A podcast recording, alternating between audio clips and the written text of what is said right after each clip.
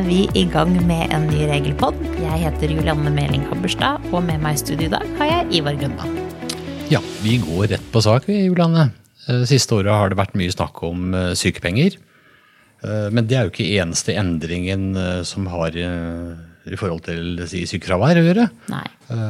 Det har, så vidt meg bekjent, også vært endringer når det gjelder IA-avtalen. Kan du si noe om det? Ja, nå har du kanskje lest at alle virksomheter er en del av IA-avtalen. Eh, og det, de har liksom lagt om strategien litt. Eh, samtidig så må man jo si at den nasjonale målsettingen med IA-arbeidet det er jo fortsatt å få redusert sykefraværet og frafallet fra arbeidslivet. Men den nye avtalen den tilbyr en rekke nye virkemidler som ikke har vært en del av den gamle avtalen. Eh, og den nye avtalen den gjelder for perioden 2019 til 2022. Og den gjelder alle, hele arbeidslivet. Og det betyr at de som ikke eh, Man trenger ikke lenger å ha en lokal fremforhandlet IA-avtale for å kunne bruke de verktøyene som denne avtalen nå legger opp til. Ok, eh, Det høres jo veldig spennende ut. Eh, Hva slags eh, praktiske endringer har det for en arbeidsgiver? Ja, flere muligheter til hjelp, tenker jeg. Flere verktøy i verktøykassen i forhold til dette arbeidet med å få redusert sykefraværet. Eh, Det første er jo at man kan få hjelp fra Navs arbeidslivssenter hvis man har jobbet med å få redusert sykefraværet, og det foreligger en dokumentert dialog mellom partene på arbeidsplassen. Da kan man få hjelp eh, for å forbedre dette arbeidet enda mer. Og så har dette tidligere tilretteleggingstilskuddet det har blitt fjernet og erstattet med et eh, eksperttilskudd.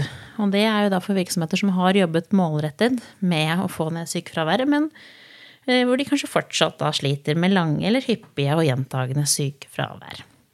Så har jeg hørt noen rykter om at det var noe bransjeprogram eller sånt, stemmer det? Ja, det er jo også et nytt virkemiddel. Man har tenkt at det skal være etablere såkalte bransjeprogrammer som skal jobbe med målrettede tiltak innenfor enkelte bransjer og sektorer. Men der har vi ikke fått eh, informasjon om eh, hvem, hvilke bransjer det er ennå. Det bør være like rundt svingen nå, egentlig. Det som jeg veit veldig mange er opptatt av, eh, det er jo hvor mange dager man kan være borte osv. Mm. Hva med egenmeldingsretten i, i si den nye avtalen? Ja, for det er jo noe som både arbeidsgiver og arbeidstaker er veldig opptatt av. Hvor mange dager kan jeg bruke egenmelding når jeg er syk? Eh, og det har jo vært, mange arbeidsgivere har vært skeptiske til å utvide egenmeldingsadgangen. Og noen arbeidsgivere som har gjort det, er jo kjempefornøyd med virkningen av den type ordning. Eh, det som er viktig å få frem, da, er at denne forpliktelsen til å ha utvidet antall egenmeldingsdager som følge av at man er en del av IA-avtalen, det er borte fra 1.1. Og det betyr jo da at eh, eh, arbeidsgivere som tidligere har måttet ha utvidet antall egenmeldingsdager fordi de har vært en IA-bedrift, de trenger ikke lenger å ha det, og de kan gå tilbake til, til sånn som loven, loven har. Ja, så De har- har ikke noe plikt til å, Nei. til å videreføre det. Nei, ikke lenger. Men man oppfordrer jo, for det har jo vist seg å være et veldig hensiktsmessig tiltak også for å få ned sykefraværet. Så man oppfordrer jo både de til å fortsette med det, og, eh, og andre bedrifter få prøve det ut. Ok, Så bedrifter som ikke har vært en del av IA-avtalen tidligere, eh, som nå blir omfattet av det, de får også da beskjed om at eh, ta gjerne i bruk utvidet egenmeldingsrett. Mm, man oppfordrer til det. Ja. Og Det kan man jo gjøre som en midlertidig ordning også. Man trenger jo ikke gjøre det som at sånn gjør vi hos oss for alltid fremover. Prøve det ut, for å si det Prøve sånn. det ut, ja. Det kan være fint. En gang iblant så får vi også spørsmål om eh, kan arbeidsgivere frata arbeidstaker retten til å bruke egenmelding? Ja, vi får mange gode spørsmål, Ivar, både på, inn på supporten og på kurs. Og det er jo en av de som kommer med jevne mellomrom. Gjerne en litt frustrert personal eller lønnsmedarbeider som ringer inn med de. Eh, og det er jo, sant, Dette har jo sitt grunnlag i at arbeidstakere kan jo, i noen tilfeller, så kan jo de på en måte dokumentere sitt sykefravær ved bruk av, ved bruk av en egen melding. da. Og da må man jo både ha jobbet i bedriften en viss periode, og så er det jo begrenset hvor mange sånne egenmeldinger man kan bruke. Eh, og i noen tilfeller så ønsker jo arbeidsgiver at den ansatte ikke skal kunne bruke denne måten å dokumentere sykefraværet sitt. Og det betyr jo ikke at ikke den ansatte kan være syk, men det betyr jo bare at den ansatte må gå til legen for å ha gyldig dokumentert sykefravær. Jeg skal se kort på hvilke tre tilfeller som man kan på en måte vurdere å frata en ansatt rett til å bruke egen melding.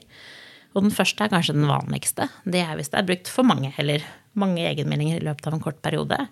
Nærmere sagt etter folketrygdloven hvis man har brukt fire egenmeldingstilfeller i de siste tolv månedene. Da vil arbeidsgiver kunne vurdere å frata deg retten til bruk av egenmelding i en periode fremover. Eh, når du sier tolv måneder, Juliane, snakker du om tolv løpende måneder, eller er det kalenderår vi snakker om? Nei, da mener jeg faktisk tolv løpende måneder, og ikke kalenderår. Eh, og det er viktig å få med seg, fordi f.eks. For i forhold til sykt barn så snakker vi jo alltid kalenderår. Men i forhold til egen sykdom så er det tolv måneder tilbake i tid vi ser når vi vurderer hvor mange egenmeldingstilfeller den ansatte har brukt. Så det kan være grunnlag for å frata rett til sykepenger. Og så har vi jo to andre grunnlag. Og det første det er jo dette med hvis, noen, hvis arbeidsgiver har rimelig grunn til å tro at fraværet ikke skyldes sykdom, at det er en eller annen form for skoft. Da vil det jo være muligheter. Og det siste er jo hvis man tenker at denne egenmeldingen kommer eh, som en aksjonsform, da, f.eks. For fordi at det er en arbeidskonflikt på arbeidsplassen. Så det er liksom de tre tilfellene? Det er de tre tilfellene. Nå er det sikkert mange som lurer på ja, hvordan gjør vi dette i praksis. Ja, Det har ikke jeg tenkt å si så mye om nå, men da kan jeg anbefale dere å klikke inn på artikkel om å frata rett til egenmelding i Visma Community. Og så kan dere lese hvordan man skal gå frem for å gjøre det riktig der.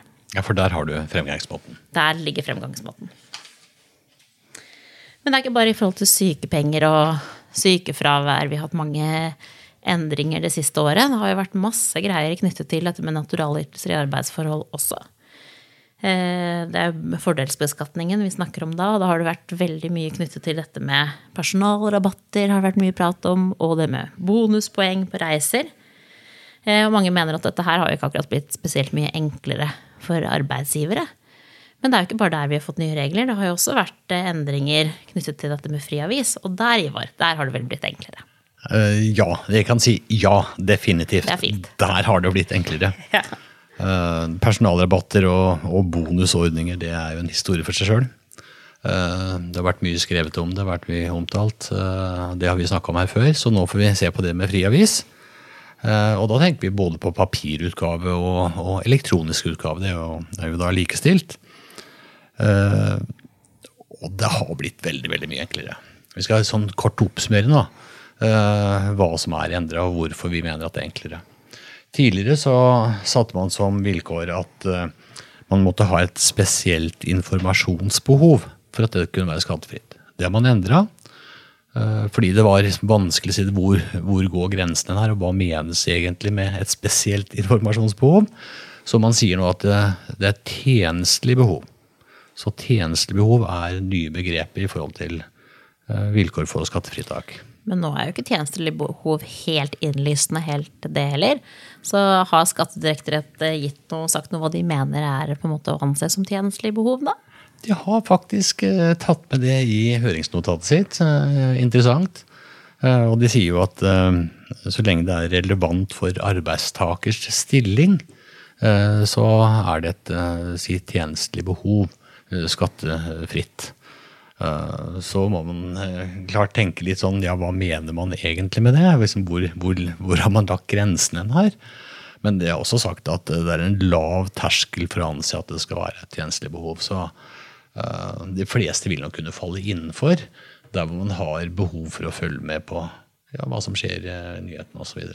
Lokalt og, og, og, regionalt. Og i hele Norge. Mm. Eller verden, for den saks skyld. Ja. Eh, nå er jo jeg virkelig ikke noe ekspert på skatterett, men har det ikke vært et eller annet med at man måtte ha et eget abonnement også? Det har du helt rett i, Juliane. Og det var litt sånn tuklete tidligere. Fordi eh, For at man eh, skulle slippe beskatning av fri avis, så måtte du være abonnent og komme med kvittering på lokalavisen ikke sant? og si her, jeg har et eget abonnement. Eh, så arbeidsgiver måtte hente inn kvitteringer de ansatte måtte levere. Eh, og da var jo også avisene som, som arbeidsgiver eh, ga til de ansatte, det var, skattefritt. Men de måtte hente inn der kvitteringene. Mm. Så det, det har de fjerna. Så nå trenger man altså ikke å vise til at man har et eget abonnement for å kunne få skattefritak på de abonnement som arbeidsgiver dekker for deg. Vi får håpe at dette ikke går utover opplagene til lokalavisene, da. Ja, vi får håpe det. Eh, men det kan jo hende at uh, antall abonnenter er synkende pga. det her. Ja, Vi får jo ikke spekulere så mye i dette. Dette er vel langt utafor det vi er eksperter på. Det er det nok. Ja. Men du, hva hvis dette, du snakker om dette vilkåret om tjenestelig behov? Eh, altså, tenker jeg jo at noen ganger så er det kanskje ikke oppfylt. Hva skjer da? Veldig godt spørsmål. Nå har du sagt at det er en lav terskel. Men, øh, og det er nok ikke så veldig mange dette her vil gjelde. Øh, Sånn at det blir skattepliktig. Men det er klart, for de det gjelder, så er det viktig. Vi må jo ta det med. Eh, Og da er spørsmålet hvilke beløp skal man legge til grunn? Det har vært mye sant, i forhold til endring av personalrabatter og, og hva man skal legge til grunn eh, verdsettelsen der. Når det gjelder fri avis, så er det faktiske kostnaden på, på avisen. Ja. Eh, Hvis det er, hvis det er en skattepliktig fordel. Da. Eh, Så har vi en annen variant, og det er jo eh, si, elektroniske utgaver av aviser. Eh, Hvor arbeidsgiver eh, da betaler et beløp, og så er det x antall av de ansatte som har tilgang. Og så er jo spørsmålet liksom, hvem beløp skal man da legge til grunn? Eh, Og da sier de helt klart at eh, i en, et sånt tilfelle hvor det da er en skattepliktig fordel, og det er flere som har tilgang, eh, så skal man legge til grunn det beløpet en ansatt måtte betalt for et eget privat abonnement. Så det abonnementet arbeidsgiver da betaler, og hva han betaler, har ingen betydning. Eh, Man må da finne ut hva koster dette abonnementet eh, hvis en ansatt skal, skal tegne et privat. Ja. Men når jeg setter meg i resepsjonen og leser dagsavisene her om morgenen, er det noe jeg skal skatte av? Nei, nå, eh, så lenge du har et tjenestebehov, så spiller jo ikke leveringsadressen noen rolle. Det stemmer, Men eh, tidligere var det jo slik at når, eh, når avisen blir levert på arbeidsstedet, så ble det ansett som et rimelig velferdstiltak, så lenge si alle en vesentlig del hadde tilgang til avisene. da. Så hadde vi noen artige runder med hvor sjefen satt med avisene på sitt eget kontor og ikke delte med de andre. Og mente kanskje at det var faktisk en skattepliktig fordel tidligere, men leveringsadressene har nå egentlig ingen betydning. Men, eh, Men det er skattefritt. Det er er skattefritt, ja. Men det er bra. Eh, over til noe som er kanskje hakket mer relevant. Det er jo dette med, med sånn fagtidsskrifter og eh, faglitteratur. Eh, Er det hvordan beskatt, skal det beskattes? Ja, det kommer helt an på, men uh, faglitteratur, fagtidsskrifter eller hva vi vil kalle det, uh, faller jo ikke inn under regelverket om fri avis som vi har snakka om nå. Eh, og da er jo spørsmålet om det har eh, relevanse til, eh, til den jobben vedkommende utfører. Altså hva slags type tidsskrift er det? Og da sier man jo i skattearbeidssida at i de tilfeller hvor man følger med i utviklingen innen sitt yrke, så kan faglitteratur deles ut. Enten da man får refundert, eller at arbeidsgiver tegner et abonnement til en ansatt, så er det skattefritt. Eh, Men det må ha relevans til det yrket som vedkommende har. da. Ja. Så de tidsskriftene vi får inn til oss. Lov og rett og lov og data. Ja da, så alle, Og det er jo helt klart eh, der hvor leveringsadressen er på arbeidsstedet. Ja. Eh, Hvor da si alle har tilgang til det, så er jo skattefritt. Så her er det vurdering av når de ansatte får faglitteraturen levert hjem i postkassa. Eh, Så må man må tenke litt på om er dette noe som virkelig eh, berører yrket vedkommende har. Så er det jo sånn da, Ivar, at når dere skal snakke om naturalytelser og fordelsbeskatning og sånn, så liker dere jo å avslutte med en liten eh, avklaring i forhold, i forhold til hvordan dette her skal eh, rapporteres inn i avmeldingen, som jo er en plikt arbeidsgiver har å gjøre på rett måte. Det er helt rett, Juliane. Det er en plikt eh, arbeidsgiver har. Både i- gjøre vurderingen ikke sant, først rekke da, om dette er en skattepliktig fordel eller ikke. Om det da er trekk- og agapliktig. Og da er det jo sånn at fri avis som er skattefritt altså De vilkårene vi har vært igjennom, så lenge det er skattefritt, så er det ikke opplysningsplikt og skal ikke være med i avmeldinga. Skulle da den terskelen være litt høyere enn den lave som Skatterektoratet har satt, og det faktisk finner ut at dette er jo en skattepliktig fordel, så skal du være med i avmeldinga. Eh, Og da er det litt avhengig av om det er arbeidsgiver eller arbeidstaker som er abonnenten på avisen eller tidsskriftet. Eh, Og er det arbeidsgiver som er abonnent, så er det en naturalytelse. Er det den ansatte, så er det en kontantytelse. I begge tilfeller så er lønnsbeskrivelsen annet. Mm. Og i begge tilfellene inngår det både i trekkgrunnlaget og i arbeidsgivergrunnlaget. Så hvis noen av de som har hørt på podkasten vår nå, har lyst til å lese mer om de temaene som vi har pratet om, så anbefaler vi de jo å logge seg inn på Visma Community og lese der, eller å lese Regelnytt som de kanskje har fått på e-post.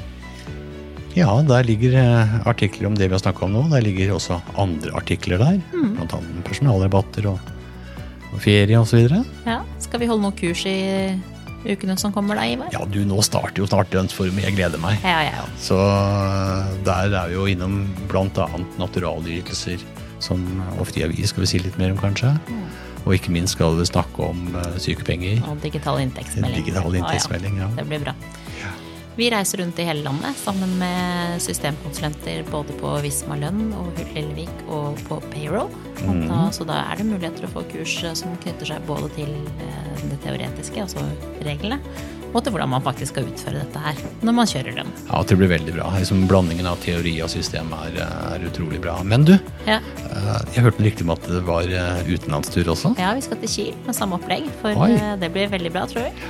Men det fins jo noen som hører på oss, vet vi, som ikke er opptatt av hvordan man skal gjøre dette inn i lønnssystemet, men som bare liker HR-personalsiden. Og de anbefaler vi å klikke seg inn på visma.no slash kurs og se på agendaen til, agendaen til Personalforum. Ja, Veldig bra, hørt, jeg. Veldig bra.